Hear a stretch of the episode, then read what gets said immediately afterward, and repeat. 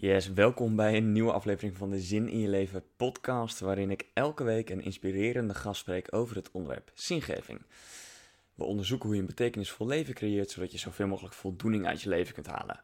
En deze week heb ik een gast, ja, dit is een fantastische aflevering voor mensen die heel erg geïnteresseerd zijn in spiritualiteit en bewust leven. Ehm, vandaag de gast is namelijk Roelof de Vries. En uh, Roelof is sinds november 2019 een hele bijzondere weg ingeslagen. Want sinds die tijd verblijft hij voor onbepaalde tijd in de Himalaya en reist hij de wereld rond voor verdere verdieping van zijn spirituele ontwikkeling, zowel persoonlijk als spiritueel leraar. Um, ja, dit gesprek gaat dus behoorlijk de diepte in, maar wel op een hele toegankelijke manier, geloof ik. Want Roelof kan heel goed op een eenvoudige manier vertellen ja, wat spiritualiteit is, maar hij is ook heel openhartig over zijn eigen zoektocht daarin en uh, zijn eigen reis die hij erin gemaakt heeft en ook dus op dit moment nog maakt. Hij was 22 toen zijn eigen spirituele openbaring uh, ja, ontstond en daar beginnen we dit gesprek mee. En uh, hij zal ook vertellen in het gesprek waar hij op dit moment is. En uh, zeker in deze tijd van de, van de coronacrisis is het ook voor hem een bijzondere periode waarin hij uh, ja, toch om moet gaan met, uh, met de situatie zoals die nu is. Um, maar in ieder geval zitten er echt ontzettend veel waardevolle lessen in dit gesprek. Ik heb echt, uh, ja, toen ik, hem, toen ik hem terugluisterde en tijdens het gesprek zelf had ik echt een notitieboekje nodig om alle lessen bij te houden. Dus ik kan ook echt aanraden om er even een, een notitieblok bij te pakken om gewoon de dingen op te schrijven die jou, die jou hierin, hierin raken. En um, ja, voor nu kan ik gewoon zeggen, heel veel plezier met deze, met deze aflevering. En um, ja, ik hoop dat je, dat je net als ik er, er waardevolle lessen uithaalt. En um, ik, zou, ik zou het super erg waarderen als je deze podcast kunt delen met mensen waarvan jij denkt dat ze hier iets uh, aan kunnen hebben. En ja, je zou Roelof ook kunnen kennen van, van de bewustzijnsschool, waar hij een, een, tijd les heeft gegeven in Amsterdam. En ja, gewoon het verhaal van Roelof is super inspirerend. En hij heeft vooral ook echt heel veel kennis. Um, hij is dan ook uh, ja, spiritueel leraar. En um, ik, ik ben heel erg dankbaar dat hij uh, tijd wilde vrijmaken. Zeker uh, nu hij zo ver weg is. Om, om mee te doen aan de Zin in je Leven podcast. En ik wens je heel veel plezier met deze aflevering. Dit is Roelof de Vries. Yes, Roelof, van harte welkom bij de Zin in je Leven podcast. Dankjewel. Uh, allereerst om, uh, om te beginnen, jij zit, uh, je zit behoorlijk ver hier vandaan. Waar, waar zit je op dit moment? Dat klopt. Ik zit in India, in het noorden van India, aan de, mm -hmm. aan de voet van de Himalaya, in, een, in een heilige plaats voor, voor mensen in India, Rishikesh. Mm. En Rishikesh is ook wel, wordt ook wel de, de bakermat van de yoga genoemd, de, de yoga-hoofdstad van de wereld. Wow. Ja. Wat, wat, breng, wat, wat brengt je daar? Uh, nou, ik zit hier, uh, nou, ik zit hier wel even uh, door vrije keuze, maar ook anderzijds noodgedwongen. Hmm. Want um, ik heb, ik, in november vorig jaar heb ik besloten om te gaan reizen. En uiteindelijk hmm. was ook het plan om naar Rishikesh te gaan. Alleen niet voor zo lang, want ik ben hier 20 maart ben ik hier aangekomen. Dus inmiddels ja. een, dikke twee maanden geleden.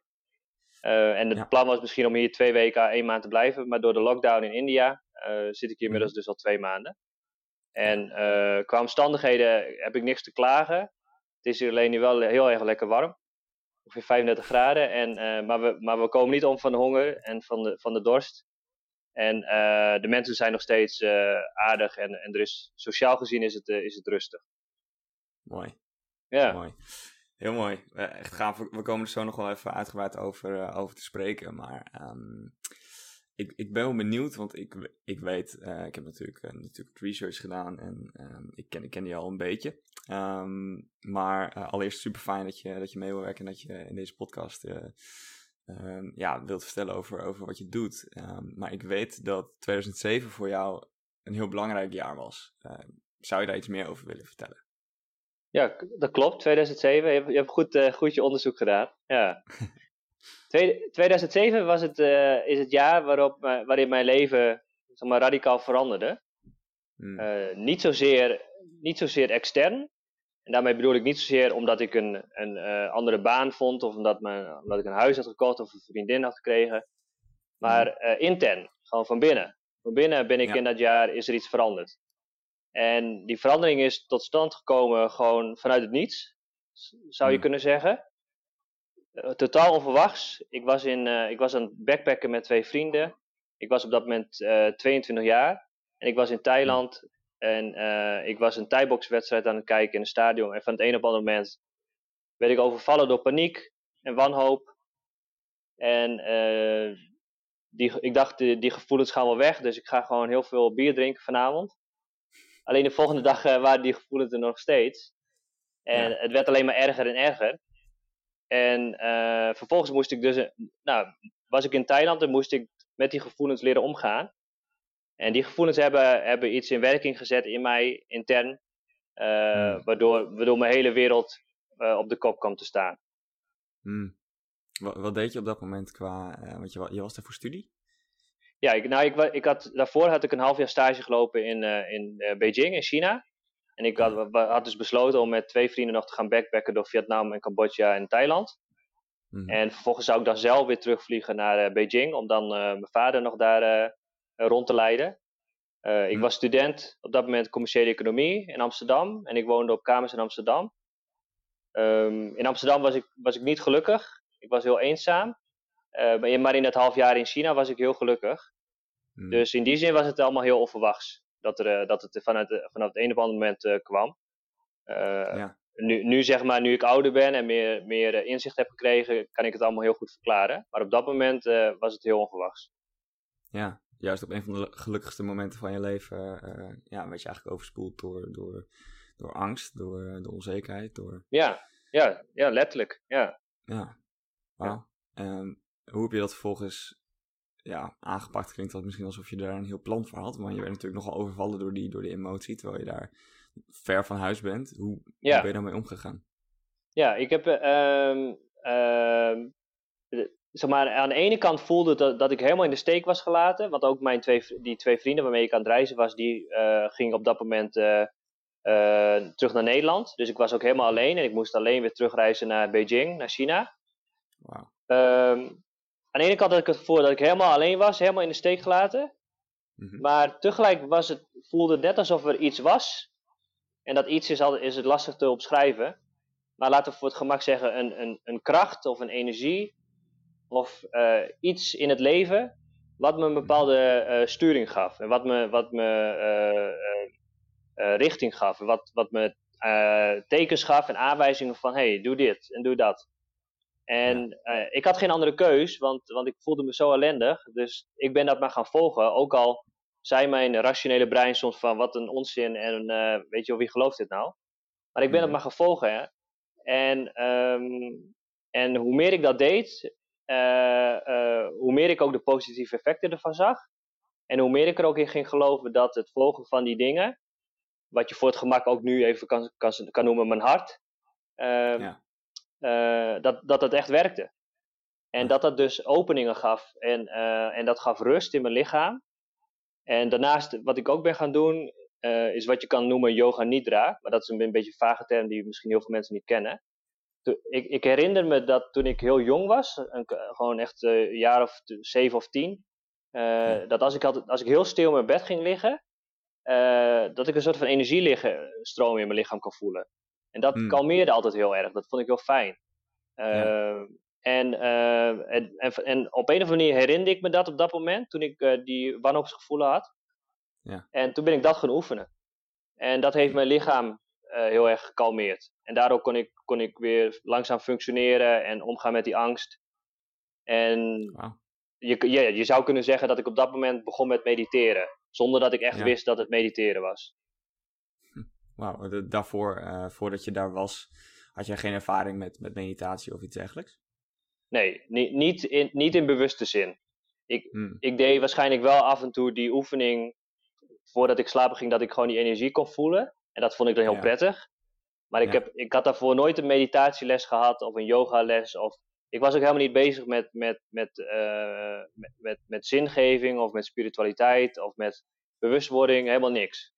Nee. Nee. Wauw. Ja, heel, heel bijzonder. En mooi dat je dan ook, ook meteen dat uit je jeugd uh, ja, herinnert. Of ineens daarvan bewust wordt dat je denkt, hé, hey, dat is misschien een manier om om te gaan met die gevoelens. En wat zijn dan dingen die je hebt, hebt gedaan, als je, je noemde het, hè, noem het bijvoorbeeld je hart volgen. Uh, maar je zit daar in, in Beijing ondertussen. En uh, ja, wat zijn de volgende stappen die je, die je toen gezet hebt om, uh, nou ja, om, om naar dat gevoel te luisteren? Ja, dus ik heb um, in, in, in de terugreis van, van Bangkok of van Thailand naar China um, kwamen er twee boeken op mijn pad. En één boek was een, was een spiritueel boek, wat heel erg hmm. ging over het helen van, van um, uh, negatieve patronen in jezelf, van, van trauma's.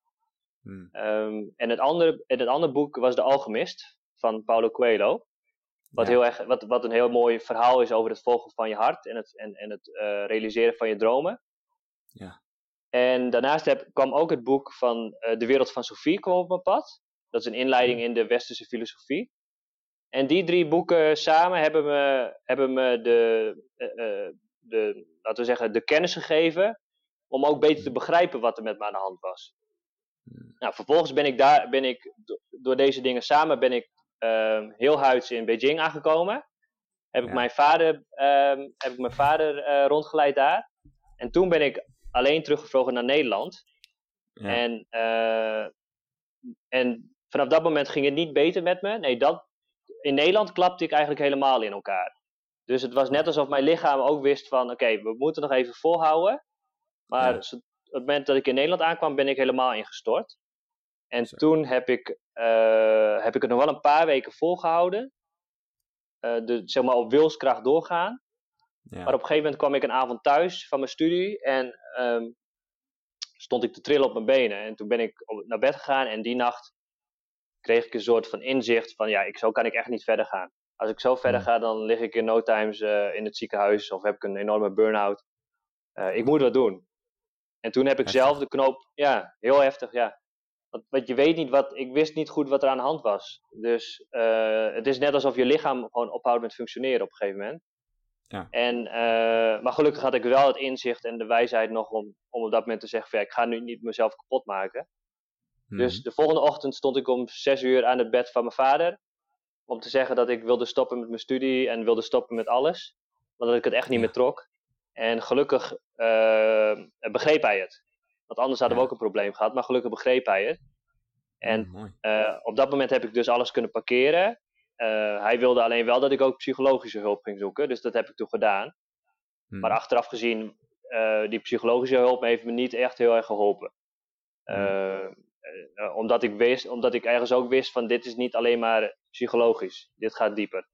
Ja, ja. Wauw. Goh. Dus eigenlijk ja. je hele, hele leven lag gewoon... ja, je, je was eigenlijk... Ik bedoel, alles was, was stopgezet. En, en dan Waar, waar begin je jou?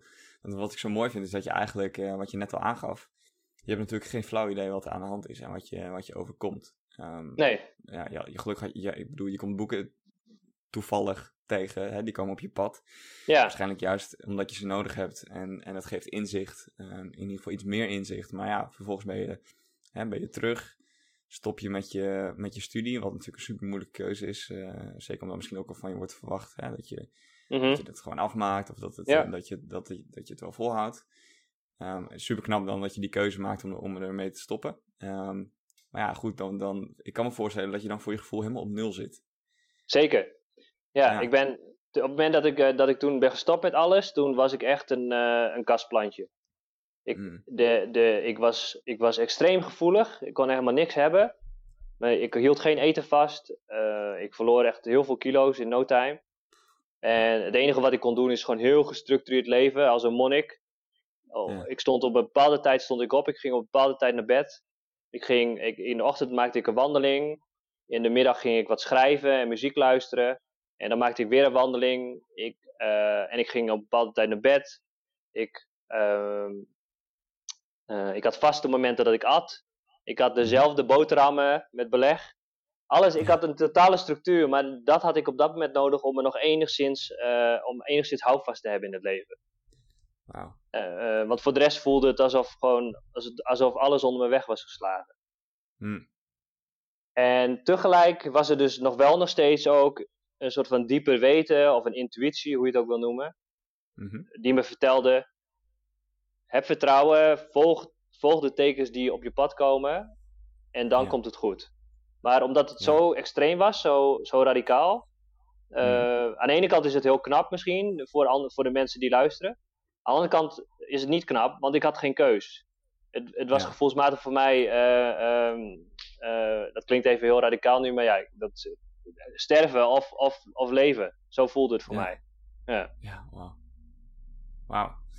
Dus je werd eigenlijk gedwongen om, om ja, op, je, op jouw spirituele, spirituele pad te stappen, kunnen we het zo noemen? Zeker, ja. ja. Hm. Ik, ik had geen keus. Nou, ja. Ja, ja, super heftig natuurlijk, ja. Ja, hoe, ja, op dat moment wel. Toen was je 22, hè, zei je net. Ja, toen was ik 22. Ja, dus ik ben, ik ben nu 35, dus dat is al even geleden. Maar ik, kan, het, ik, kan, me, ik kan me nog steeds herinneren. Dat gevoel wat ik toen had, zo diep als ik toen zat, dat, uh, zo diep ben ik ook nooit meer geweest. Hm. Wauw. Ja. Wauw. Uh, is dat ook, uh, je, je praat bijvoorbeeld op je website ook, hè, gaat het over, over bewustzijn? Wat, wat is de rol van bewustzijn um, ja, überhaupt in het leven? Daar komen we straks misschien nog wel op, maar wat was dat toen voor je? Want kun je, kun je zeggen dat het een soort switch is in bewustzijn, dat je, dat je ja, bewust wordt door zo'n... Ja. Zo bij jou was het vrij radicaal. Ja, ik zeg maar op het, op het eerste gezicht, uh, of, de, of in, de, in, dat, in die aanloopfase van, van Thailand naar, terug naar Nederland, was het bewustzijn meer dat er wellicht meer is in dit leven dan, uh, dan we denken. En dat er dus wel degelijk een soort pad is wat je kan volgen. En dat wel degelijk tekens kunnen zijn op je pad die komen. En dat, dat, er, dat niet alles willekeur is, maar dat er zeker ook uh, uh, soort van. of dat niet alles toevallig is. Ja. Maar de echte bewustwording kwam een, kwam een paar, ma paar weken later of een paar maanden later, ergens in het najaar. En toen had mhm. ik echt een, echt een verandering in mijn bewustzijn. Ja. Toen was het, was het net alsof mijn oude identiteit van Roelof, die ik, wat ik altijd dacht te zijn, uh, dat dat kaarthuis in één keer gewoon helemaal instortte. En dat er een verschuiving was in bewustzijn, waarop, waar, waarop ik op een gegeven moment heel duidelijk voelde en kon zien van, hey, ik ben meer dan alleen datgene wat ik dacht dat ik was. Hm. En dat was dus de spirituele, uh, toen, toen werd het echt spiritueel. Toen kwam ik er echt hm. achter van, hé, hey, er is meer tussen hemel en aarde dan, dan hetgene wat ik dacht, altijd dacht dat er was. Hm. Wauw. Hoe, hoe zou je dat omschrijven, wie je bent? ik, ben, ik weet nog steeds dat ik een persoon ben en ik weet nog steeds dat ik Roelof ben en ik weet nog steeds dat ik eh, mijn hele geschiedenis.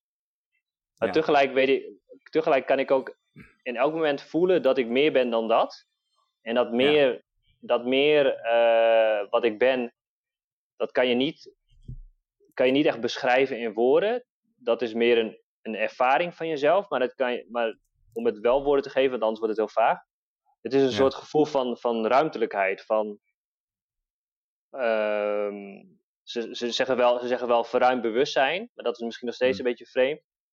Het is net alsof, het is net alsof um, nou, misschien is het zo concreet mogelijk, om alles wat er in mij gebeurt, al mijn gedachten, al mijn gevoelens, al hmm. mijn, wat, wat dan ook, zit altijd een soort van laagje van ruimte. Hmm. Waardoor, waardoor ik altijd met een soort van afstand naar dingen kan kijken. Ja. En het moment dat, dat, er, dat, mijn, dat, dat mijn innerlijke stem tegen mij gaat zeggen van ik ben Roelof en ik ben dit en dit, dit dan kan ik dat mhm. horen en kan ik dat zien. Maar omdat, die, omdat die afstand er is, kan ik ook tegelijk zien van ja, dat klopt. Maar ik ben ook meer dan dat. Ja, wauw. Ja. Uh, als je het inderdaad uh, concreet zou maken, zou je dan bijvoorbeeld... Um, stel in een situatie waarin je... Um, waarin er iets gebeurt en je wordt uh, ja, wat ik dan vaak lees of hoor in boeken die, die daarover gaan, is iets in het verkeer bijvoorbeeld. Mensen zitten achter het stuur, er gebeurt iets door een andere bestuurder. Waar, hè, dat triggert meestal iets bij je, waardoor je een bepaalde reactie hebt. Boosheid of nou ja, frustratie. Dan kun je het al zo schetsen dat je ehm, door, door die ruimte die er is tussen, tussen het feit dat je eigenlijk zie je bij jezelf dat er frustratie is. Mm -hmm. terwijl, je daar, terwijl dat gebeurt en je achter het stuur zit dus ja. het is nog steeds wel zo dat je frustratie voelt en dat het er gewoon is. Mhm. Maar dat je, er niet, dat je er niet in meegaat omdat je die ruimte hebt, zeg maar. Dus dat je eigenlijk zegt, hé, hey, oh, oké, dat, dat triggert bij mij wel, uh, wel boosheid. Alleen, dan kun je het zeg maar loslaten. Is dat een beetje hoe je het, hoe je het praktisch gezien zou kunnen schetsen? Ja, wat, wat je zegt klopt. Alleen, uh, uh, alleen hoe jij het beschrijft is, is nog wel een tussenfase.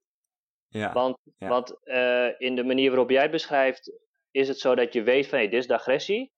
Alleen de mhm. persoon die het waarneemt, de persoon die bewust wordt van datgene, is nog steeds de zogenaamde persoon. Ja. Als je, de, als je, de, volle, als je de volle omslag maakt, om het zo maar te zeggen, dan is mhm. het op een gegeven moment zo dat je meer die ruimte bent dan de persoon. En dan kan je het nog steeds allemaal waarnemen. Alleen dan is het niet zo dat de persoon vervolgens nog steeds denkt dat hij alles ervaart. Ja, ja. ja. ik hoop dat dat duidelijk is. Ja. ik denk dat het is een tussen, maar... Wat je zegt is een soort tussenfase. Dus, dus er is ruimte, maar nog steeds, de persoon is er wel degene die denkt dat hij ruimte ervaart. Maar op een gegeven moment ben jij die ruimte. Hmm.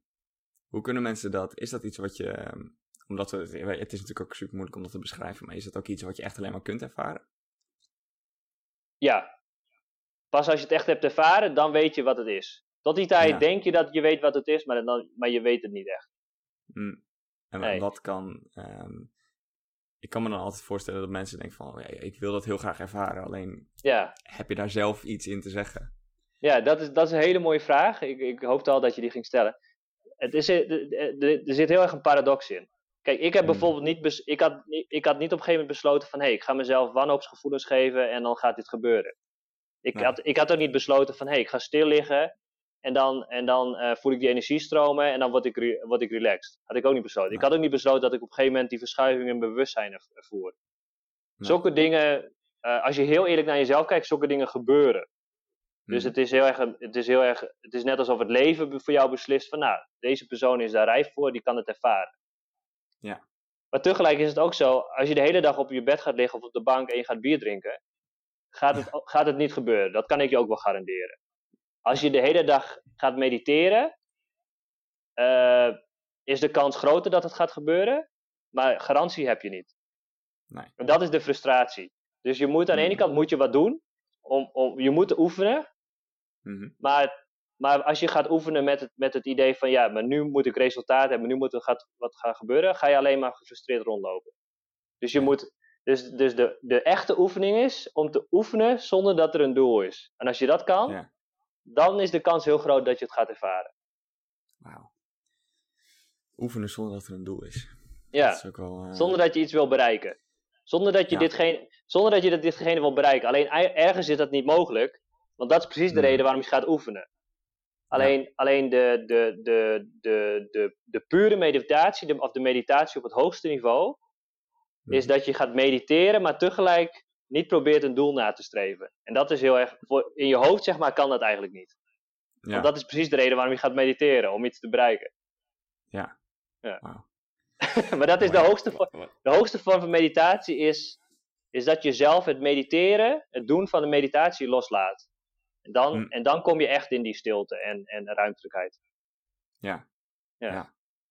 Wauw, uh, wat zou je dan als tip geven aan mensen die, uh, die daar bijvoorbeeld mee willen beginnen om te mediteren? Want je leest natuurlijk, of je leest, maar wat je vaak meekrijgt van hè, bouw, een, uh, bouw bijvoorbeeld een bepaalde routine en ehm, ja, bijvoorbeeld elke ochtend meditatie. En, maar ehm, ik kan me voorstellen dat het dan tegelijkertijd een soort, nou ja, dat het wordt wat jij net beschrijft, dat je natuurlijk denkt van oké, weet je, dat is dat het de meditatie een soort doel op zich wordt. Van, uh, weet je, het hoort bij mijn ochtendroutine. Dus check, ja. meditatie gedaan. En, uh, ja. Maar, het, het, het, het, het, frustrerende van, van, van spiritualiteit van, en van het beoefenen van bewustzijn, hmm. is dat je, je moet het doen,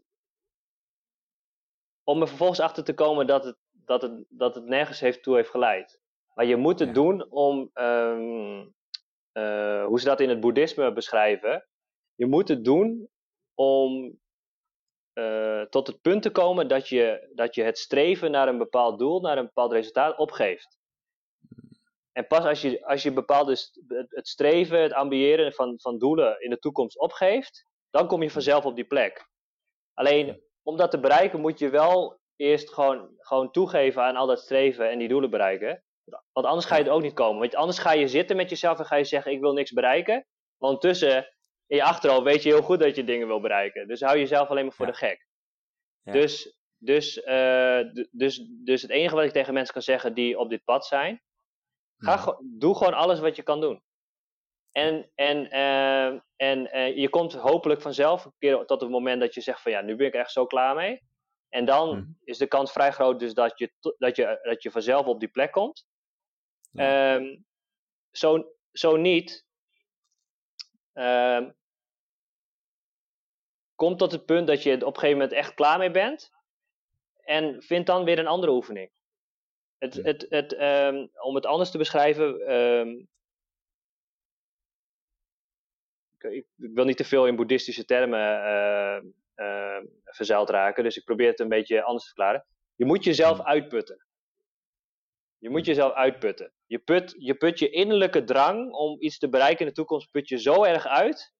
Ja. Dat, dat datgene in jou wat graag iets wil bereiken in de toekomst, op een gegeven moment zegt van, ik ben er wel klaar mee, ik geef op. En dan is, de, en dan is het, de, de, de magie is dan dat je dus vanzelf op die plek komt. Dat je zo erg gewoon in het moment komt, in het hier en nu, omdat je niet meer, omdat je zo klaar bent om iets te bereiken in de toekomst. En dat is precies de plek waar je wil zijn. Wauw, ja, mooi, heel mooi, denk ik. Ja, ik. Ik denk dat mensen die, nou ja, die, die daar interesse in hebben of die, die al, al een beetje aan het oefenen zijn, dat die, dat die zeker wel het is zeg maar elke keer als je zoiets zegt, dan. Uh, ik, ik, denk dat ze wel voelen wat jij mee bedoelt, om het maar zo te zeggen. Ik hoop het, maar, maar, maar gebruik dus. Wat wel heel belangrijk is, is dat je dit dus niet als excuus gaat gebruiken om niet je dingen te doen. Want nu kan ook je, want je hoofd, je ego, kan je ook zeggen van. Oh ja, maar dan hoef ik ook niks te doen. Dan ga ik gewoon zitten op de bank en dan gebeurt het, en dan gebeurt het vanzelf. Nee, zo werkt het ook niet. Nee. Nee. Nee. nee. Nou, Mooi, mooi. Ja. Um, nog even teruggrijpend naar, naar de periode waarin je, hè, waarin je thuis zat en waarin je bezig was om eigenlijk... Um, hè, je had die ervaring dat je, dat je de ruimte tussen je gedachten en je bewustzijn en je, je, ja, jezelf ervoer. Mm -hmm. um, uh, hoe, is, hoe, is je, hoe zag jouw pad er, er daarna uit? Want we weten dat je nu uh, ondertussen zit je in India en uh, heb, je, heb je ook net een rigoureuze stap gezet om, ja. Ja, om eigenlijk je leven weer om te gooien. Maar ja. Wat, wat heeft daarvoor nog plaatsgevonden? Ja, dus, dus toen ik had besloten om te stoppen met mijn studie, heb ik eerst een, een half jaar eigenlijk gewoon echt niks gedaan. Om mezelf mhm. weer, eh, weer een beetje bij elkaar te krijgen. Ja. Nou, laten we voor het gemak zeggen dat het toch weer een jaar heeft geduurd. Vervolgens ben ik, ben ik eigenlijk gewoon weer het leven geleiden zoals, zoals iedereen. Alleen er was wel iets veranderd. En datgene ja. wat was veranderd is dat ik vanaf dat moment alles wat ik deed, uh, en wat er met me gebeurde in het leven kon zien vanuit een groter perspectief. Mm. Uh, maar ik ben toen gewoon, ik ben, daarna ben ik ontwikkelingswerk gaan doen in Afrika om te kijken of ik Afrika kon redden. Nou, na drie dagen kwam ik tot de conclusie dat, dat ik dat niet kon. Vervolgens heb ik, heb ik gewoon mijn studie afgemaakt. Ben ik gaan werken bij de overheid. Mm -hmm. op een gegeven moment ben ik, gaan, ben ik weer naar Amsterdam teruggegaan. Toen ben ik in Amsterdam heb ik filosofie gaan, ben ik gaan studeren. Uh, ben ik begonnen met de eerste trainingen volgen op persoonlijke ontwikkeling. Dus ik heb NLP gedaan. En ik, uh, nou, vanaf dat moment ben ik heel veel workshops en trainingen gaan doen. Ja. Uh, ik ben op een gegeven moment gaan werken als recruiter. En ook op een hele, op een, op een, in een hele erge salesomgeving. Dus ook iets wat, ja. wat misschien vanuit spiritueel oogpunt heel erg vreemd is. Maar, voor dat, maar voor mij voelde dat als mijn pad en als mijn weg. En ik heb gewoon de dingen gedaan die, die ik nodig had om tot ontwikkeling te komen. Uh, nou, daarnaast, zoals ik zeg, altijd, altijd uh, heel veel uh, cursussen gedaan, heel veel trainingen, mindfulness, eh, regressie, yin yoga, van alles. Ook, veel, ook met dingen met psychedelica, met ayahuasca. heel mm. veel gereisd ook. Die, gewoon de hele wereld rond, omdat ik ook gewoon de wereld wil zien. Uh, en tijdens die reizen gebeurde ook altijd van alles. Ik ja. heb uh, heel veel boeken gelezen, echt heel veel boeken. Ik, ik, ik, ik heb ze echt verslonden. Uh, ja. Ehm, allemaal over persoonlijke ontwikkeling, over spiritualiteit. Eh, omdat ik een mm. enorme dorst ook had naar, naar het begrijpen van alles wat er met gebeurde. Ja. En, en daarnaast deed ik eigenlijk elke avond voordat ik slapen ga, ging, deed ik ongeveer een half uur die, die ontspanningsoefeningen, waardoor ik die energie in mijn lichaam kon voelen. En, uh, en soms deed ik ook meditatie gewoon zittend. Maar in ieder geval mm-hmm. altijd dit. En heel veel, ik heb ook heel veel geschreven. Journalen zoals ze dat noemen. Gewoon alles van me afschrijven. Ja, ja tot, tot, eigenlijk tot het punt dat ik, dat, tot, of tot mei vorig jaar. En toen kwam ik op een punt dat ik, dat ik het gevoel dat ik weer een keuze moest maken, weer een radicale keuze. Eigenlijk dwong het leven me eigenlijk opnieuw om weer een radicale keuze te maken. Dus ik was toen op een cursus in, in Zuid-Frankrijk over regressie en reïncarnatie. En toen ging ik heel diep in mezelf. En die avond kon ik niet slapen en, en ben ik naar buiten gegaan. En toen kreeg ik een soort van, soort van ingeving om naar de Himalaya te gaan en om te gaan reizen. En mijn huis te verkopen. En, uh, en, die, en die in, dat inzicht ben ik gaan volgen. En toen heeft het leven weer ook allemaal dingen weer op mijn pad gebracht. Ik heb mijn huis verkocht en uh, in november vorig jaar ben ik dus naar India gereisd, naar Delhi, om daar deze nieuwe reis te starten. En nu ben, nu ben ik dus inmiddels, wat is het, een half jaar verder. Dan zit ik al twee maanden in India in lockdown. Uh, samen met mijn vriendin, want ik heb mijn vriendin heb ik in Delhi ontmoet in november. Uh, dus wow. nu reizen we samen. Ik heb ondertussen, in die tussentijd heb ik, uh, ben ik ook naar Nepal gegaan, naar, naar een boeddhistisch klooster. En mm. ben ik in, in Kopenhang ben ik geweest, Thailand. heb ik een tijdje in een, in een, in een dark cave gezeten, het is compleet donker. Ik ben in Goa geweest in India, wat, wat een spirituele plek is. Ja. Uh, ja, dus het leven heeft, heeft me weer op een nieuw pad gezet. Maar nu voelt het heel erg als verdieping. Dus om nog ja. weer een laagje dieper in jezelf te gaan. Om nog meer rust en stabiliteit in jezelf te vinden. Mm. Maar ook om, uh, om te leren hoe het, hoe het is om, om in een uh, bewuste relatie te zijn met iemand. Dus ik heb nu een vriendin. Ja. En we, hebben een hele, we proberen heel erg een bewuste relatie te hebben. Dus dat betekent dat we elkaar heel erg proberen te, te um, stimuleren en te motiveren om meer bewust te worden.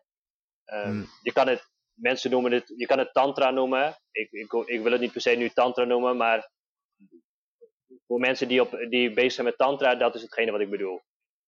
Ja, wauw. Ja. Zo echt, uh, is die, die um, je hebt natuurlijk echt wel, wel, wat is het, bijna, bijna tien jaar, um, eigenlijk, ja, weet je, voor jezelf, eigenlijk wat je net beschreef, je hebt ook gewoon dingen gedaan als in, weet je, je bent gewoon gaan werken, je bent, ja, het normale dagelijks leven heb je opgepakt. En daarnaast heb je gewoon heel veel gelezen. Ben je eigenlijk gewoon je enthousiasme en je, je, je honger naar meer informatie gaan, gaan volgen. En je hebt dingen uitgeprobeerd en je hebt gekeken wat bij je past. En dus is het, ik, ja, ik kan me haast niet anders voorstellen dan dat het super belangrijk is om ook gewoon, uh, net als met het vinden van je passie, zoals mensen dat wel zeggen, dat ze dan zeggen van ja, ga gewoon dingen doen en proberen. Want als je, weet je, je kunt dat niet oplossen in je hoofd. Met, met, het denken, maar je, zal, je moet dingen ervaren. Je moet voelen wat het met je doet. En, ja. Um, dus die, die periode, en nu ben je toe aan een nieuwe periode waarin je echt de diepte, waarin je de verdieping opzoekt.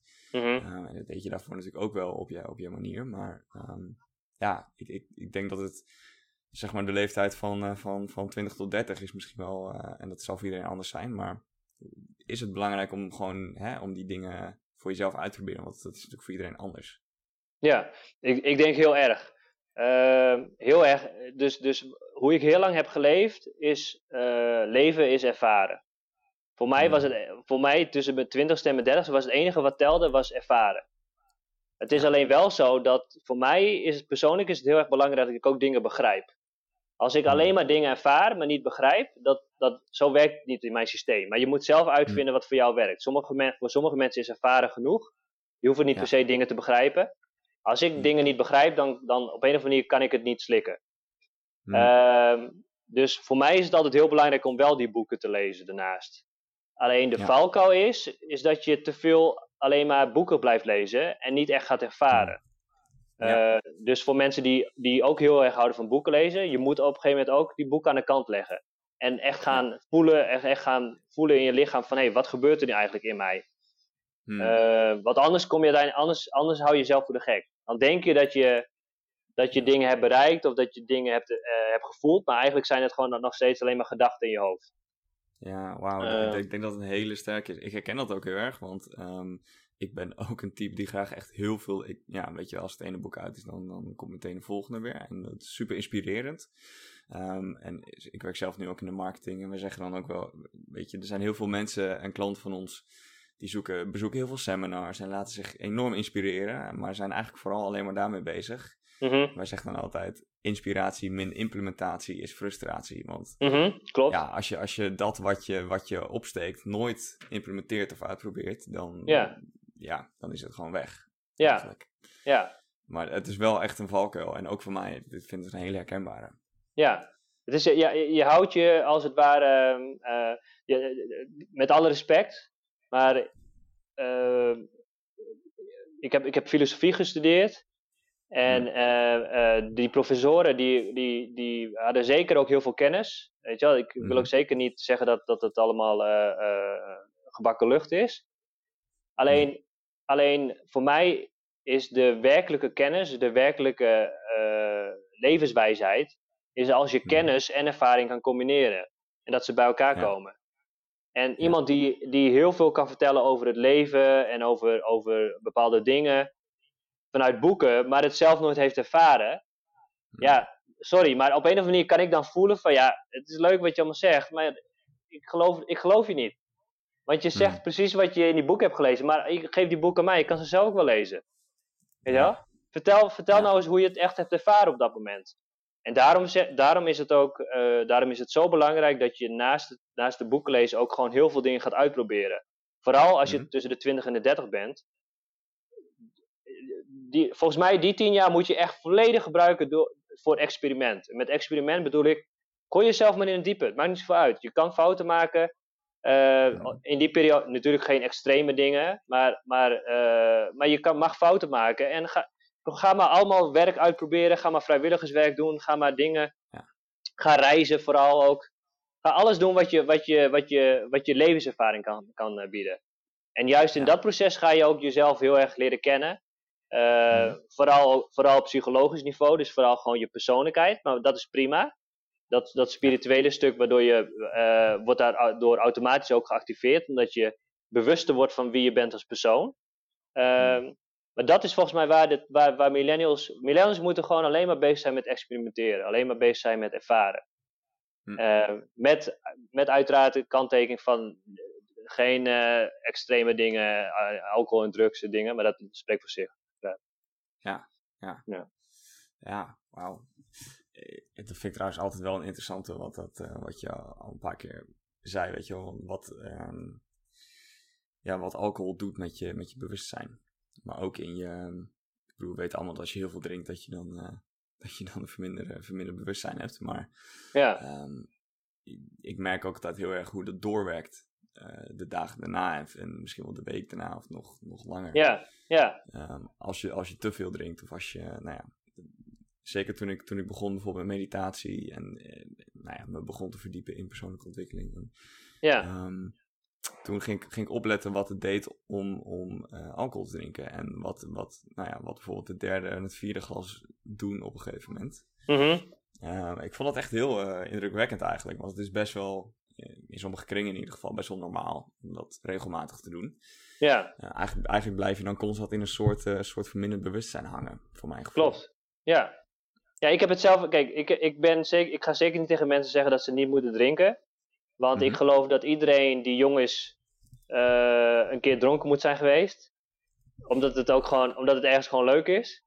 Mhm. En, uh, en je moet het hebben meegemaakt. Ja. Het is alleen wel goed om op een gegeven moment erachter te komen wat inderdaad alcohol met je doet. Mhm. En hoe alcohol je, je, je ontwikkeling ook kan remmen.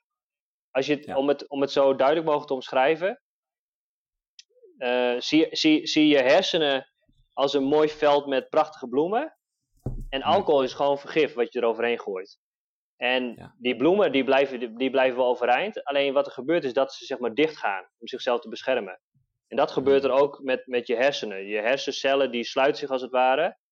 Waardoor je minder ontvankelijk bent voor uh, bewustzijn. Voor, voor minder, minder goed verbanden kan leggen. Je hersenhelften, je linker en je rechter kunnen minder goed samenwerken je, heel veel, op heel veel gebieden rem je jezelf. Nou, en als je hmm. tussen de 20 en de 30 bent, is dat niet zo'n probleem, want je, je hersenen zijn ook super flexibel. En uh, uh, weet je, uiteindelijk herstelt het zich wel. Um, alleen als je op een gegeven moment 30 bent en je gaat nog steeds elke uh, een paar keer per week naar de kroeg of elk weekend gooi je jezelf helemaal plat met alcohol, kan je je afvragen van ja, heb je het echt nog nodig? Als je hmm. op een gegeven moment, als je op een gegeven, op een gegeven moment heb je misschien ook wel genoeg gefeest niet dat, het hmm. nooit, dat je nooit meer bedoelt, maar ik bedoel meer van. Uh, ik kwam op een gegeven moment op het punt dat ik de keuze maakte van ja. nu is de prijs die ik betaal voor het drinken van alcohol is, is hoger dan wat het me daadwerkelijk oplevert, oplevert aan plezier. En toen heb ik besloten van ja, hmm. nu ga ik gewoon minder drinken. En nu drink ik eigenlijk bijna nooit meer. Hooguit nu een keer een, een, een biertje voor, omdat het gewoon lekker is. Maar bijna nooit meer meer dan twee of drie glazen. Nee. Hm. Wauw. Ja, mooi. Ik, vond het, ik vind het altijd een hele mooie. Um, ja. Um, ik wilde eigenlijk net, uh, net nog ergens op inhaken en dat ben ik nou weer, uh, nou weer vergeten. maar ja, um, je, je, gaf even aan, we nemen dit, deze podcast op in de tijd van de, van de lockdown en van de, van de coronacrisis. Mm in hoeverre zie je dit als, ja, hoe zeg je dit, als, als een zet? moet, moeten we een omschakeling maken als, uh, als samenleving zijn of als, ja, als maatschappij zijnde? Uh, ja. Het om een andere leefstijl. Hm. Ja, dat ik, voor mij, ik weet dat er heel veel verschillende theorieën rondgaan. Vooral ook uh, conspiratietheorieën over in hoeverre deze hele coronacrisis nu wel of niet door mensen is ontworpen en, en uh, dat er slechte intenties hm. achter zitten. Ja. Voor mij persoonlijk maakt het niet zo heel veel uit. Ik kijk meer van naar wat is het effect van deze crisis. Ja. Wat ik zie is dat mensen worden gedwongen om meer stil te zitten in een huis. Mhm.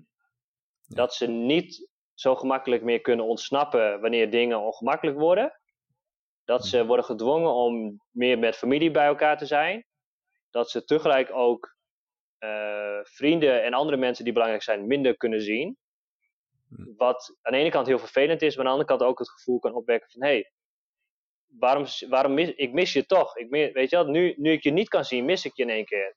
En dat kan het inzicht geven van wat is nu echt belangrijk in het leven. Ik denk dat door deze crisis en ook uh, de economische crisis die, waar we eigenlijk al in zitten, heel veel onnodige bedrijven uh, ter val komen. Dat hmm. heel veel mensen erachter komen dat ze hun financiën niet op orde hebben. Dat uh, overheden of eigenlijk samenlevingen erachter komen wat is nu echt belangrijk. Dus gezondheidszorg, medisch personeel zijn super belangrijk. Uh, moeten we die mensen niet meer geld geven, beter waarderen? Dat we er ook achter komen dat we niet zoveel hoeven te reizen. Uh, er zijn nu veel minder auto's op de, straat, uh, op de, op de weg. dat is goed voor de natuur. Ik las vandaag iets over dat slachthuizen nu worden gesloten, omdat daar veel corona is. Niet per se, hmm. niet per se, niet per se dat, dat, dat vlees slecht is. Alleen we eten wel heel veel vlees met elkaar, met 8 miljard mensen op de wereld. Ja. Uh, dus heel veel dingen, zeg maar, uh, ja, zijn nu extreem tot stilstand gebracht. En daardoor kunnen we misschien ook beter zien van, hé, hey, maar wat is nu echt belangrijk en wat niet? En daardoor kan er een schifting plaatsvinden in de economie en in de wereld. Van, van uh, waar gaan we ons nu op richten? En, en dat kan, het, dat kan ja, een nieuw soort samenleving, een nieuw soort economie creëren wellicht mhm. omdat, omdat zoveel mensen nu hun baan verliezen en omdat zoveel mensen in de financiële uh, zorg komen, is dit ook het begin van het basisinkomen. Dat iedereen standaard van de overheid een bedrag krijgt. Um, en dat je dus daardoor ook meer uh, keuzevrijheid hebt over wat voor werk je wil doen en of je überhaupt wil werken. Misschien mhm. wil je wel kunstenaar worden. En kan dat door mhm. deze, omdat, omdat er dan straks basisinkomen is. Ja, ja, ik, uh, ik, ik, vind dat altijd wel een hele interessante. Wat het zou doen met, uh, met, de, met de, ja, in dat soort, dat soort situaties vind ik het altijd lastig om, weet je, ik ben altijd een, een persoon die dan in de, aan de ene kant daar ook wel hele positieve dingen aan ziet. En aan de andere kant, als ik dan iets lees wat, wat er negatief van is, denk ik van ja, nou, er zit ook wel wat in. En dan blijf ik er een mhm. beetje tussen hangen. Mhm. Maar um, in de kern vind ik het, vind ik het een hele mooie ja, mooie, mooie gedachte en mooie inrichting van de, van de maatschappij. Ja, nou, of je nou linksom gaat of rechtsom gaat. Ja. Ik, ik, geloof, ik geloof sowieso dat we iets moeten veranderen in de wereld. Ja. Er, moet iets veranderen omdat, of omdat we gewoon uh, uh, slecht omgaan met onze leefomgeving, met, met de natuur, mhm. met de dieren. Uh, Ja, dat kan gewoon niet langer zo met 8 miljard mensen op, op de planeet. Ehm, eh, dus er moet sowieso iets veranderen. En, en aan ons de keuze eh, wat en hoe. Eh, en of het nou met corona is of zonder corona, er moet wat veranderen. Dat geloof ik sowieso. Ja, ja, ja. Ja, ja eens. Ehm, jij je bent nu natuurlijk zelf weer de verdieping aan het, aan het opzoeken, maar ehm, op een gegeven moment ben je, ben je ook anderen gaan, gaan ja, helpen om om op hun eigen, op hun eigen pad te, te, te, om hun eigen spirituele pad te gaan bewandelen. Mhm. Doe je dat op dit moment nog? Of uh, um, doe je dat op afstand? Of... Nou, op dit moment doe ik het minder, omdat, ik, uh, omdat, omdat de situatie gewoon nu niet praktisch gezien zeg maar, lastig is om iets te doen. Uh, ook omdat. Ah, we hebben weer elektriciteit hier. Heb je, kan Ah, ik, ik, ja. ik doe even één tel, ik doe even de deur dicht, anders zit die vol met muggen Ja. zo. Eén tel. Helemaal goed. Ja, voor de luisteraar, eh Roelof die gooit de deur even dicht. En die, eh, Roelof zat al de hele tijd zonder stroom. Dat was India. Dus, eh, ik yes, zat hier ja, zonder stroom en nu ging het licht aan, dus nu doe ik de deur weer dicht. Anders zit het hele huis vol met muggen. Ja, het, het is wel die hard dat we een podcast opnemen terwijl jij eigenlijk gewoon geen stroom had. Dus dankzij de, de mobiele telefoon kan dat, eh, kan dat gewoon. Maar Ja. het is wel mooi. Het is, Ja, ja. ik, eh, even kijken, waar waren we gebleven? Eh, ja, oh ja. Eh, hoe jij mensen eh, helpt hun eigen spirituele pad te bewandelen. En, Oh ja. ja. Ja, kijk, ik ben omdat- hoe dat er ook uitziet. Ja, omdat ik, omdat ik heb gekozen nu eerst weer voor mijn eigen verdieping, is, het wat in, oh, is dat weer wat op, in stilstand gekomen. Bewust. Mijn plan is het uiteindelijk om, om gewoon weer te gaan lesgeven en andere mensen te helpen. Mhm. Maar Ja. ik geloof dat, dat elke goede leraar minstens evenveel tijd moet besteden aan zijn eigen ontwikkeling. Want uiteindelijk Mhm. geloof ik heel erg in practice what you preach. Eh, leef wat je andere mensen probeert te leren. Eh, en ik geloof ook dat, je, dat, eh, dat daar juist ook de kracht in zit. Hoe meer ik Hmm. zelf heb, heb gedaan aan mijn eigen ontwikkeling, hoe meer ik andere mensen kan helpen. En ik geloof ook dat mensen dat op een bepaalde manier kan, kunnen voelen. Je kan voelen bij een persoon of die persoon dingen echt heeft doorleefd. Of niet? Mhm. Ja, eigenlijk wat je, wat je net zelf al noemde, wat jij merkte bij jouw eigen, eigen docenten toen je filosofie eh, studeerde. Ja, Ja, ja mooi. ja, ja. Ehm, een van de dingen die, eh, wat, mij, wat ik altijd zo interessant vind aan, ehm, aan de, ja, een beetje de wereld van persoonlijke ontwikkeling, maar ehm, heel veel, er zijn heel veel verschillende benaderingen en, en verschillende technieken en theorieën en hoe je, hoe je, hoe je jouw volledige potentieel kan, eh, kan benutten. En ja, ik, ik ben er altijd door geïntrigeerd. Wat, wat, wat, is, wat is ons volledig potentieel? Volgens Ja. jou? Dat dat, eh, op die vraag zijn zijn eigenlijk twee antwoorden. Mm. En dat, nu, nu wordt het een beetje mystiek. Maar, maar dat is. eh, ik, ik mocht voor jou zeg maar ook een beetje diepgang opzoeken. Ja, zeker. Ja. Zolang je, zolang je gelooft dat je een persoon bent. Dus een Mhm. individu met een, met een, met een, eh, met een eigen identiteit. Die op deze, in deze wereld is geboren, onafhankelijk van anderen. En helemaal zelf kan beslissen wat, wat hij kan doen met zijn leven. Dan is je Mhm. hoogste potentieel datgene wat je zelf eh, hebt bedacht. Ja. Dus als jij, als jij CEO wil worden van Microsoft, is dat je hoogste potentieel. Als jij een Mhm. villa wil hebben op Ibiza, is dat je hoogste potentieel. En als je vrijwilligerswerk wil doen in Afrika, is dat je hoogste potentieel. Heel simpel. Ja. Ja. Alleen vanuit spiritueel hoogpunt, vanuit bewustzijn, als Mhm. je op een gegeven moment die omsla omslag maakt, die ik heb meegemaakt toen ik 22 was, dat je erachter komt dat je Mhm. meer bent dan de persoon, Ja. dan is je hoogste potentieel veel meer van wat wil het leven graag dat je doet. Dus dan gaat het niet zozeer meer om wat jij wil, maar gaat het veel meer om van wat mag ik in deze wereld brengen. Dan word je veel meer, word je veel meer een soort van voertuig. En je Ja. wordt een voertuig van, van iets wat groter is dan jou. Eh, maar dat voertuig wil jou graag eh, gebruiken als een middel, als een kanaal om iets in deze wereld te creëren. Maar wat datgene is wat, wat, wat, wat door jou mag worden gecreëerd, dat heb jij zelf niet te beslissen. En dat betekent niet dat, dat ik nu in één keer eh kapper wil worden, terwijl ik dat nooit wilde. Zo is het ook weer niet. Dus er zit wel, er zit wel een bepaalde. Het ligt wel in het verlengde van je eigen interesses. Mhm. Alleen uiteindelijk gaat het niet zozeer om wat jij wil. Dus het is niet zo van ja, maar ik wil dit worden. Of ik wil Mhm. graag dit bereiken. Nee, het gaat veel Ja. meer over. Jij stapt aan de kant als persoon. En Mhm. dan voel je, als het, voel je wat voor inspiratie tot je komt. Wat voor ideeën tot je komen. En als je dan die ideeën in de wereld wil gaan zetten. Wil gaan creëren. Dan voel je dat er een bepaalde energie achter zit. Een bepaalde kracht. Waardoor je weet van hé, hey, dit is hetgene wat ik mag doen. Misschien is dat, ook, eh, is dat ook wat jij hebt gevoeld toen jij deze podcast bent begonnen. Dat je voelde van hé, hey, ik mag dit gaan doen. Ehm, En als je, maar als je, als je vanuit dat perspectief kijkt naar het hoogste potentieel, dan is je hoogste potentieel zoveel mogelijk gewoon aan de kant stappen. En dan kijken wat er door je heen komt. Mm, ja, ja super mooi. Maar ik, ik, wat, wat ik altijd interessant vind is, uh, bij mij, ja, je had je, het over je eigen, um, zeg maar, je, je dal. Hè? Er moest iets, iets gebeuren, je moest ja, haast helemaal in elkaar klappen voordat je um, eigenlijk uit het, uit het dal kroop, zeg maar. Um, en bij mij was dat ook zo, want mijn broer werd ziek en die overleed. En ik was toen 19, toen hij overleed. En nou, dat was voor mij het dal waar ik, waar ik in terecht kwam. En voor die tijd heb ik nooit nagedacht over. Um, ik denk ook dat ik altijd best wel al wel van mezelf vrij um, reflectief was. Dus ik, mm kom, ik was mezelf vanuit, van nature al een beetje aan het observeren. En alleen dat deed ik helemaal niet, niet bewust. Mm -hmm. um, maar door, door zo'n heftige gebeurtenis ja, moest ik op een gegeven moment wel. Want ik kreeg ook uh, fysieke, fysieke klachten als in, als in uh, angst- en paniekaanvallen. En Um, uh, ja, ik voelde me gewoon diep ongelukkig en um, helemaal, helemaal losgetrokken van, uh, van, van het leven eigenlijk. Mm -hmm. um, dus dat, dan word je zeg maar gepusht om, om ja, op, op zoek te gaan. Mm -hmm.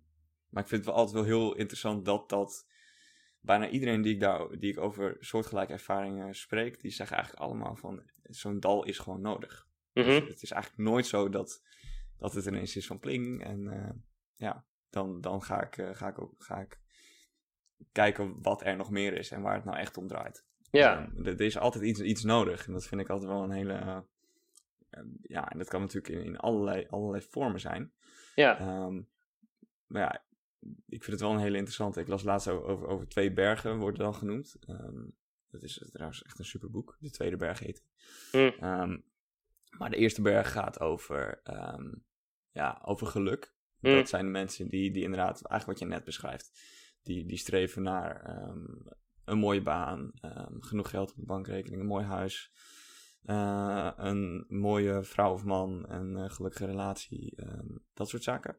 Wat, waar niks mis mee is trouwens en wat heel veel mensen dus doen. Mm -hmm. dan, gebeurt er boven, dan zijn ze boven aan de berg uh, en dan gebeurt er iets of het valt tegen of onderweg gebeurt er iets en daardoor klapt ze in het dal. En vaak niet altijd, maar vaak gebeurt het dat ze na dat dal de tweede berg gaan beklimmen. En die gaat mm meer over vreugde.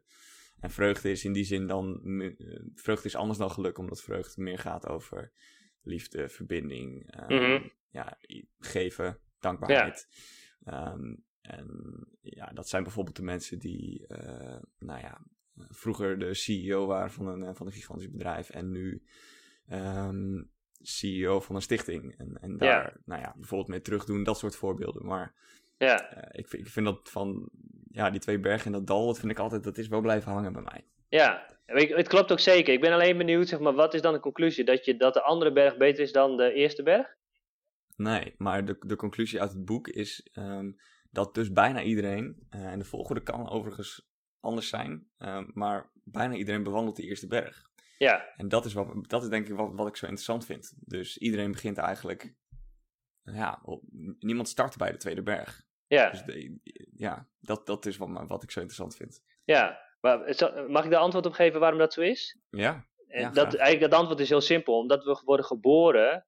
Uh, nee, we worden geboren als de Tweede Berg. Hmm. Maar vanaf, de derde, vanaf onze derde jaar ontwikkelen we ons ego. Wat een hele natuurlijke ontwikkeling is, daar kunnen we niet omheen. En vanaf dat moment gaan we ons zien als een individu die eigen doelen heeft. En dan worden we de eerste berg. En voor sommige mensen, zoals jij en ik, komt die eerste berg al vrij vroeg tot instorten eh, in onze twintig jaren. Bij sommige mensen is dat pas als ze 50 zijn. Dat, dat, dat hangt vanaf uh, hoe je leven zich ontwikkelt. Uh, ja. Maar ja, het is eigenlijk ook het is heel natuurlijk dat je eerst die eerste berg gaat bewandelen. Uh, omdat het ook puur psychologisch is dat gewoon belangrijk. Dat je wel een eigen individu, uh, dat er wel iets in jou een soort van individualiteit ervaart. Ja. Ja. Want anders ja, is het heel lastig leven ook. Als je dat niet hebt ontwikkeld. Volgens mij, ik weet niet eens hmm. of dat wel kan. Nee. Nee. Nou ja, in die zin is het ook heel logisch. Ja. Um, het, ja. ja. En ik vind uh, het stuk wat je, wat je um, en in die zin, hè, als het gaat om, om ego, um, als je eh, op een gegeven moment, ook, ook al sta je zeg maar, op de tweede berg op blijven vasthouden, hoe belangrijk is ego dan nog? Kun je dat ooit helemaal loslaten? En moet je, moet je dat wel helemaal loslaten? Is het, is het altijd. Mm, misschien, kijk, het hangt, er, het hangt een beetje vanaf van, van hoe, hoe, uh, hoe extreem je het spirituele pad wil bewandelen. Hmm. Kijk, ik geloof, uh, ik geloof dat voor de meeste mensen het vinden van een goede balans tussen die eerste en tweede berg hmm. al heel het, het hoogst haalbare is. En, het ho en, ook, en ook hartstikke goed. Want je hoeft niet er zijn maar weinig mensen die echt de roeping voelen om helemaal teruggetrokken in een, in een klooster in de Himalaya te gaan zitten. Hmm. Uh, dus, uh, en, alle, en al je bezittingen achter te laten. Uh, tegelijk ook, ook daarbij zeggende dat, dat dat niet per se hetgeen is wat ik in geloof. Ik geloof ook dat, hmm. dat, dat de, de, laten we zeggen, de ultieme manier van leven is de middenweg. Dus dat hmm. betekent niet al je bezittingen achterlaten en helemaal teruggetrokken leven in Himalaya als een monnik. Maar ook niet volledig materialistisch uh, in de westerse wereld in Manhattan in de wolken krabben. Nee, mhm. eh, beide. En uh, dat kan ook prima volgens mij naast elkaar bestaan. of tenminste, dat, dat is mogelijk. Um, je, ziet, je, ziet, je ziet dat mensen zich altijd verliezen in de, in de extreme. En eerst doen ze het ene extreme, doen ze de ene berg. En dan vervolgens denken ze, komen ze erachter dat het niet is. En dan doen ze de andere berg en dan wordt dat helemaal hun ding. En dan verliezen ze zichzelf helemaal in, in, in persoonlijke ontwikkeling en spiritualiteit. En gaan ze allemaal hele extreme dingen doen met hun lichaam om, om, nog, om nog meer te bereiken. Uh, uiteindelijk is volgens mij het doel om, om ook die twee weer samen te brengen. En dan de juiste balans te vinden tussen kunnen genieten van het materiële en alles wat deze wereld te bieden heeft. En tegelijk ook de verbinding te voelen met iets wat groter is dan jou. Um, maar voor sommige mensen is het zo dat die tweede berg, dat dat voor hun zeg maar voldoende is. Dus je hebt mensen die, die vinden de eerste berg belangrijker en die willen alleen maar dat. Tegelijk heb je ook mensen die vinden de tweede berg belangrijker en willen alleen maar dat. En dat zijn de mensen die kiezen bijvoorbeeld voor een leven in een klooster. Wat ook prima is. Uh, Maar ik denk voor de meeste mensen is het, is het ergens in, tussenin. Hoe is dat voor jou? Want je zegt inderdaad uh, hè, dat je niet per se gelooft dat, dat, dat, dat, hè, dat het volledige tweede berg is. Maar je bent natuurlijk aan de, aan de andere kant best wel, uh, ga jij uh, best wel de diepte in. Ik denk dat veel mensen die dat horen dan denken van zo, um, ja. dapper. En, en dat gaat wel echt, echt ver. ja, misschien wel. Voor mij, omdat ik zo ben, voel, ervaar ik het niet altijd zo. Maar ik, ik, ik denk wel dat het hmm. klopt. Ik denk wel dat voor de meeste mensen die verkopen nu ten huize gaan niet dan dat, dat soort dingen doen. Uh, zeg maar, mijn plan was om, om uh, ook een tijd in een klooster te gaan. Maar mijn plan is nooit geweest om permanent in een klooster te zitten. Want hm. ik geloof dat. Uh, ik heb nog steeds de ambitie om, om leraar te zijn. Mits het universum wil dat ik wat anders ga doen, zoals ik net heb, uh, heb uitgelegd. Het is niet per se wat ik wil, maar om het even praktisch te houden. Ik, ik heb nog steeds ergens het idee van hé, hey, ik ga weer leraar worden. Um, ja. Maar ik geloof dat ik in deze tijd, in 2020, kan je niet een leraar zijn uh, door in de Himalaya ergens in een grot te gaan zitten. Nee, je moet wel verbinding houden met de wereld. Je moet wel weten hoe deze wereld werkt. Je moet wel weten wat het hmm. is om een, om een, om een Apple-telefoon te hebben en uh, een, een baan te hebben waarbij je 50 uur in de week werkt. Hmm. Als je, dat niet, als je die vertaalslagen niet kan maken naar de, naar de dagelijkse praktijk zoals de wereld nu is, dan, ga, dan kan je niet zoveel mensen bereiken, denk ik. En uh, daarom heb ik er ook nooit voor gekozen om permanent in een klooster te gaan zitten. Want ik geloof niet dat dat hetgeen is wat ik heb te bieden. Um, ik, ik, ik, kan tijdelijk in een klooster gaan zitten, omdat ik, omdat ik voel van hé, hey, ik heb dat even nodig. Dus laten we zeggen twee weken, of hooguit misschien op max drie maanden. Maar ik heb, uh, ik heb altijd in mijn achterhoofd gehouden van ja, ik wil, ik wil in staat zijn om alles wat ik leer te kunnen vertalen naar mhm het leven wat de meeste mensen op deze planeet leven. Uh, En daarom, daarom wil ik ook zelf altijd verbinding houden met, met de wereld. Ook omdat ik. Hm.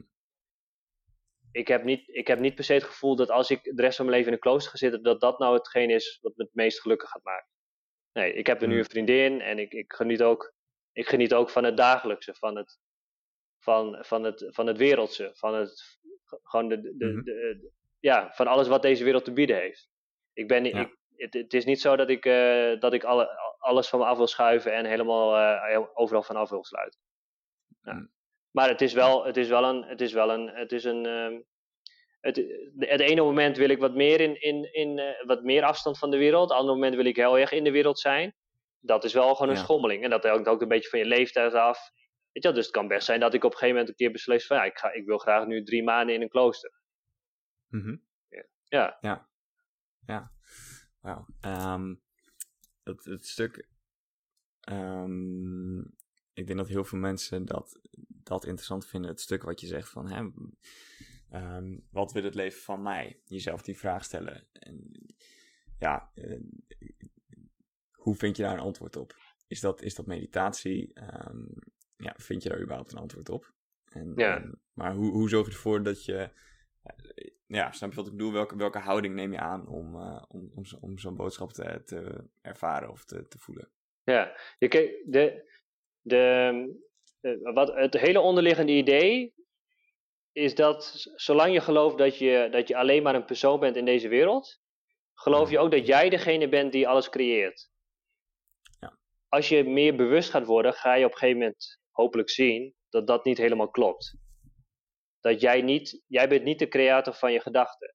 Jij bent niet de creator van de ideeën. En je gedachten komen in jou en gaan, weer, gaan er weer uit. Ideeën komen in jou en gaan er weer uit. Waar komen die gedachten en ideeën vandaan? Geen idee. Alleen ik weet wel dat ze in mij komen en niet door mijzelf zijn gecreëerd. Ja. Wat, de, wat de oefening is om, om, uh, um, om meer in contact te komen, laten we zeggen, met datgene wat het leven door jou heen wil creëren, is door jezelf stil te maken. En door jezelf stil te maken kun je, kun je beter in je lichaam voelen en luisteren van wat, wat komt erop. En datgene wat erop komt is niet altijd de waarheid en is niet altijd hetgene wat je moet doen. Maar omdat je meer afstand hebt van hetgene wat in je opkomt, kun je ook beter zien van hé, hey, dit klopt wel, dit klopt niet. Dit klopt wel, dit klopt niet. Dus je moet stil worden. Alleen stil worden in jezelf betekent dat je eigenlijk die persoon die je denkt te zijn, ja. dat je die een toontje lager laat zingen. Want ja. die persoon die je, die je denkt te zijn, dat is hetgene wat altijd zoveel lawaai maakt. Waardoor je niet, hmm. uh, waardoor je niet met afstand kan luisteren naar hetgene wat er in jou gebeurt. Ja. Dus dat is de oefening. En dat, dat kan je meditatie noemen. Dat, voor sommige mensen is het ook muziek maken.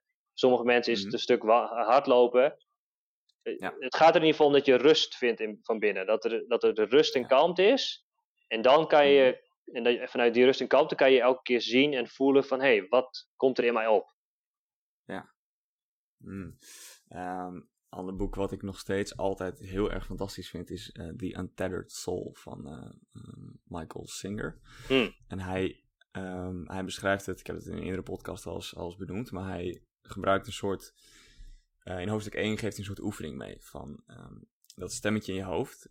Stel, visualiseer eens dat dat een echte persoon is die de hele dag naast jou uh, staat of zit of, of loopt. Um, dus zodra je merkt dat het stemmetje weer iets tegen jou zegt, um, visualiseer dan dat dat een echt, echt persoon is, een soort Erik 2.0. Mm -hmm. um, en doe dat eens een dag.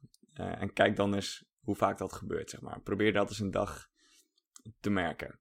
En nou, dat, dat was eigenlijk mijn eerste, eerste keer dat ik Um, dat het lukte om, om het grootste deel van de dag om, uh, om door te hebben wat, dat, wat er de hele tijd bij mij binnenkwam. Mm En -hmm. weer uitging. En weer binnenkwam en weer uitging. Maar doordat je zeg maar visualiseert dat het echt een andere persoon is, denk je ineens van, jee, mugge, er komt echt... Er praat gewoon constant iemand tegen mij en ik luister daar ook naar. Ja. Um, en dat was mijn, mijn eerste um, oefening, maar in ieder geval... Het, het was wel voor mij een mooi, heel praktisch uh, oefeningetje om, ja, om gewoon dat, dat eens te Ja. ervaren. En om dat in ieder geval voor de eerste keer Ja, een klein beetje te merken. Ja. Uh, ik vond het wel een hele mooie. ja. Het is zeg maar, het, eh, eigenlijk is het heel gek. eh, maar omdat iedereen het heeft, vinden we het heel normaal. Hm. We lopen gewoon de hele dag rond met, met een stem in ons hoofd die de hele dag tegen ons praat. En dat, wij denken dat, dat we dat zijn. En wij vinden dat heel normaal. Maar, maar ehm, wetenschappelijk weten we al lang dat als je, en dat klinkt even heel radicaal weer, maar als je je hoofd openmaakt en je maakt je hersenen open, dan, ja, je gaat geen poppetje vinden in je hoofd. Nee. Weet je wel? Dus, daar, dus, dus wie is er dan, wie is er met wie in gesprek? Ja. Maar omdat iedereen dat heeft, vinden we het zo normaal. En doen we net alsof dat, Hm. alsof dat allemaal heel, heel, heel normaal is en dat klopt allemaal. Maar als je gewoon met Mhm. wat meer afstand ernaar gaat kijken, is het eigenlijk heel gek. Dat er, dat er in, deze in dit schedel is er, een, is er een pratende persoon. En die praat de hele dag door over allemaal dingen. Uh, tot het moment dat je er op een gegeven moment bewust van wordt. En dat je kan gaan zien van, huh? Nou, ik weet, niet, uh, ik weet niet wie diegene is die aan het praten is, wie dat is. Maar soms zegt hij dingen, ja, soms zegt hij wel dingen die wel goed zijn. Maar soms zegt hij ook dingen die slaan echt helemaal nergens op. Dus hmm. misschien is het ook goed om niet altijd ernaar te luisteren. Ja. Ja. Hoe... Uh... ja, ja. mooi. Stel, als mensen nou um, ja, kunnen mensen zeg maar zeggen, stel dat ze deze podcast horen en ze denken van zo, oké, ik, wil, ik wil wat meer, uh, ja, wat meer bewustzijn creëren bij mezelf. Zijn er dingen die ze kunnen doen? Of komt dat moment, draagt dat moment zich voor hen, hen wel aan op het moment dat, dat zij daar aan toe zijn? Ja, de, de, uh, ja wat je zegt, dat klopt. Uh, ik geloof zeg maar, dat iedereen die het leuk vindt naar je podcast te luisteren, die heeft een bepaalde ehm, die, die, die heeft een bepaalde interesse in meer bewustwording. Mhm. anders, gaat die niet anders gaan ze niet luisteren naar je podcast, ten, tenzij het je familie is. Uh, en um, uh, heel vaak gebeur, gaan mensen hiermee bezig omdat, wat we ook al eerder hadden gezegd, omdat er iets heftigs in hun leven is gebeurd, wat, wat hun heeft wakker geschud. Ja. Um,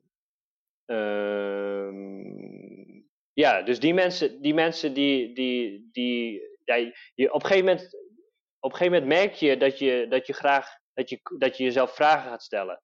Dat je gaat vragen stellen van waarom leef ik eigenlijk? Uh, wat is het doel? Wat, wat betekent het eigenlijk om mens te zijn? Hoe kan ik gelukkig worden? Waarom ben ik ongelukkig? Waarom voel ik me zo slecht? Waarom moet ik de mhm. hele dag huilen?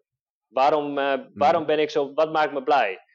De, die vragen gaan op een gegeven moment in je opkomen. En, en uh, kan je dat echt zelf creëren? Nee, want als je dat niet hebt, dan ben je of je bent, bent heel gelukkig, dus er is helemaal geen reden om daarmee bezig te zijn. Of je bent zo ongelukkig dat er ook geen reden is om, om, om uh, gelukkiger te worden. Dus, dus iedereen, iedereen die ermee bezig gaat, is, is, is als het ware klaar om, om, om, uh, om meer wakker te leven. Hmm. Ja, mooi. Wauw, goede inzichten, hele goede inzichten. Um, zijn er, zijn er nog dingen die jij graag wilt noemen voordat ik, voordat ik aan de laatste paar vragen toekom? Ik, ik zou, willen, ik zou iedereen uh, die luistert willen vragen. Ik denk dat de mensen die luisteren dat al doen. Maar om deze situatie waarin we nu zitten met de coronacrisis en ook de economische mhm. crisis, vooral ook te proberen te, uh, te zien vanuit als, als een kans voor reflectie. En voor, voor, hmm. voor uh, innerlijke verdieping. Ik, ik, ik weet dat voor heel veel mensen deze situatie heel erg moeilijk is. Financieel, familie, uh, ziekte. Maar toch hmm. probeer deze, deze situatie te zien als een kans voor meer innerlijke verdieping. Want uh, juist omdat deze situatie zo extreem is, is dat een enorme kans om dieper te gaan. Want je moet eigenlijk wel. Je kan niet anders. Je, moet, je moet met jezelf gaan zitten in je huis, want je kan niet naar buiten. Uh, je, je moet jezelf vragen stellen van, hey, hoe leef ik mijn leven nu? Waarom, uh, hoe kan ik nog geld verdienen als ik geen baan meer heb? Uh, Maar ook, omdat misschien is dit maar eenmalig. Misschien is dit, gebeurt dit maar eenmalig. Misschien is dit de enige, enige moment in ons leven dat we een keer, dat we twee maanden in een hotelkamer in Rishikesh in India moeten zitten. En gaat dit nooit meer gebeuren. Dus je kan, je kan het heel erg zien als een tegenslag en alleen maar ellendig. Maar als ik kijk van mhm. wat ik in de afgelopen twee maanden heb geleerd door deze situatie, dan is dat enorm. En dit had ik nooit zelf kunnen nabootsen, want ik, was, ik had naar een klooster kunnen gaan en mezelf kunnen mhm. opsluiten. Maar zelfs in een klooster had ik op een gegeven moment, als ik het niet naar mijn zin had gehad, had ik kunnen zeggen van ja jongens, ik kap ermee, ik ga weg. Maar nu, maar nu ik in corona in een hotelkamer, door corona in een hotelkamer in risico zit, kan ik dat niet. Dus, dus, um, dus ja, is het moeilijk? Ja. Maar is het ook een kans omdat je niet kan ontsnappen? Ja, heel erg. Hmm. Ja. Ja. Hmm. Wauw, mooi.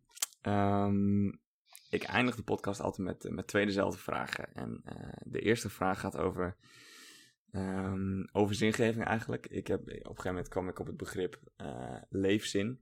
Dat vind ik, ik vind dat een misschien nog wel een nog mooier begrip dan, dan zingeving. Want zingeving, als ik, op het moment dat ik zingeving ervaar, dan heb ik eigenlijk leefzin. Uh, dus dan heb ik, heb ik zin in het leven en dan ben ik gelukkig. Mhm. Dan floot alles lekker en dan, ja, dan, dan klopt het gewoon. Um, wat, wat zijn momenten waarop jij nou echt leefzin ervaart?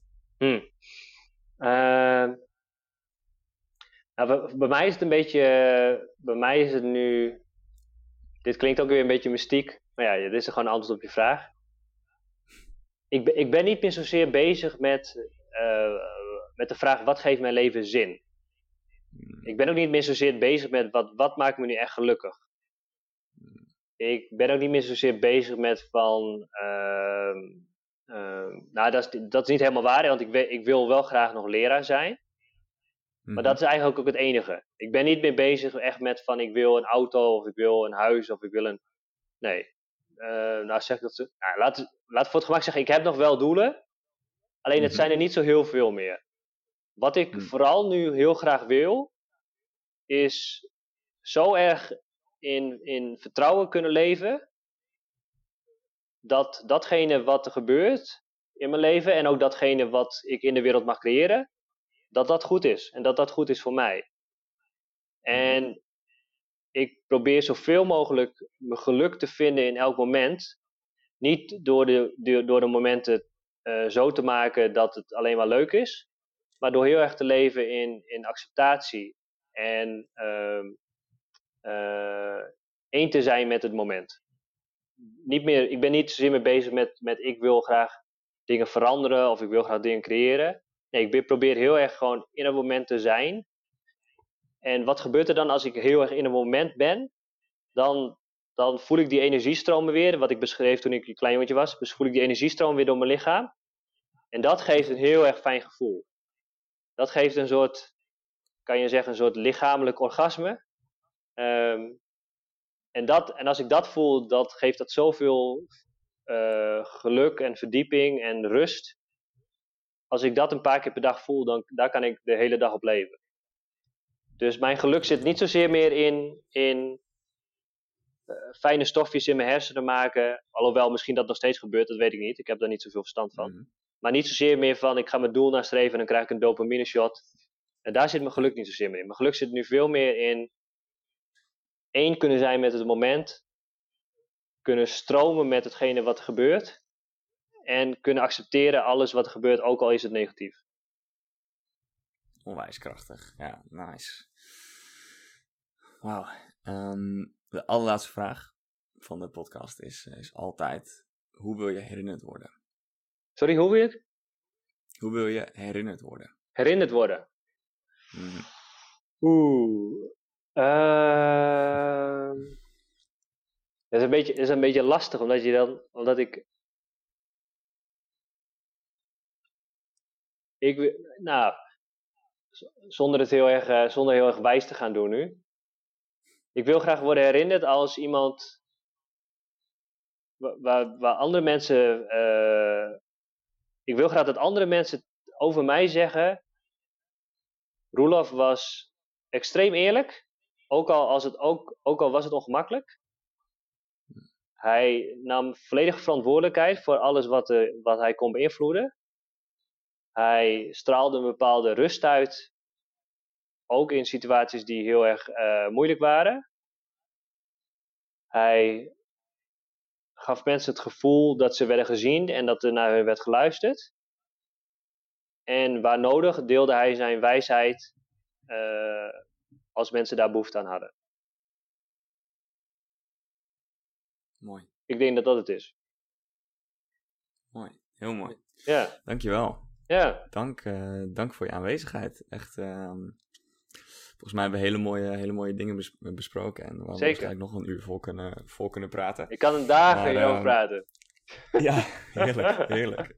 Heel, Ja. heel erg fijn is dat. Ja, Maar ehm, ja, super mooi. Dankjewel voor, eh ja, voor, wat je, voor wat je verteld hebt en dat je er zo open over bent. Ehm, ja, en volgens mij, eh, ik wil je erkennen voor, voor het, eh, ja, voor, voor de ervaringen die je zelf hebt meegemaakt en dat je daar, dat je daar zo, wat ik net zei, zo open over bent. Maar dat je ook ja, mensen, mensen denk ik houvast geeft om, uh, om daarmee om te gaan en, en daar inzichten geeft. Ja. Echt, uh, supermooi, dankjewel. Ik hoop het. En ik, en ik wil jou bedanken dat je, dat je dit doet, dat je dit initiatief neemt.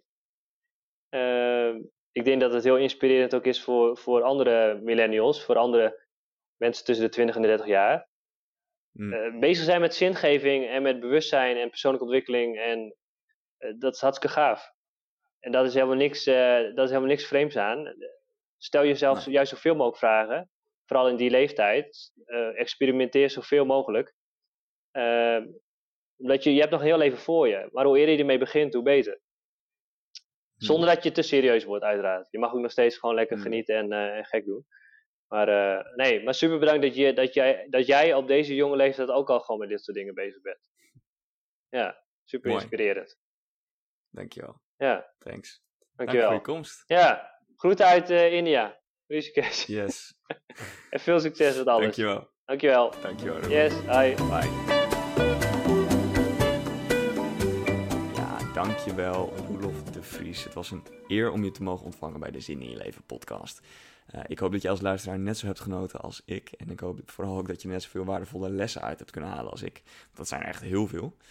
Uh, mocht je nou weer meer willen weten over de Zin in je Leven podcast, dan kun je naar www.leefzin.nl of je kunt me volgen op social media. Uh, ik hoop vooral ook dat je heel veel leefzin hebt gekregen van deze aflevering. Ik in ieder geval wel. En ik zie je graag weer bij een volgende aflevering van de Zin in je Leven podcast.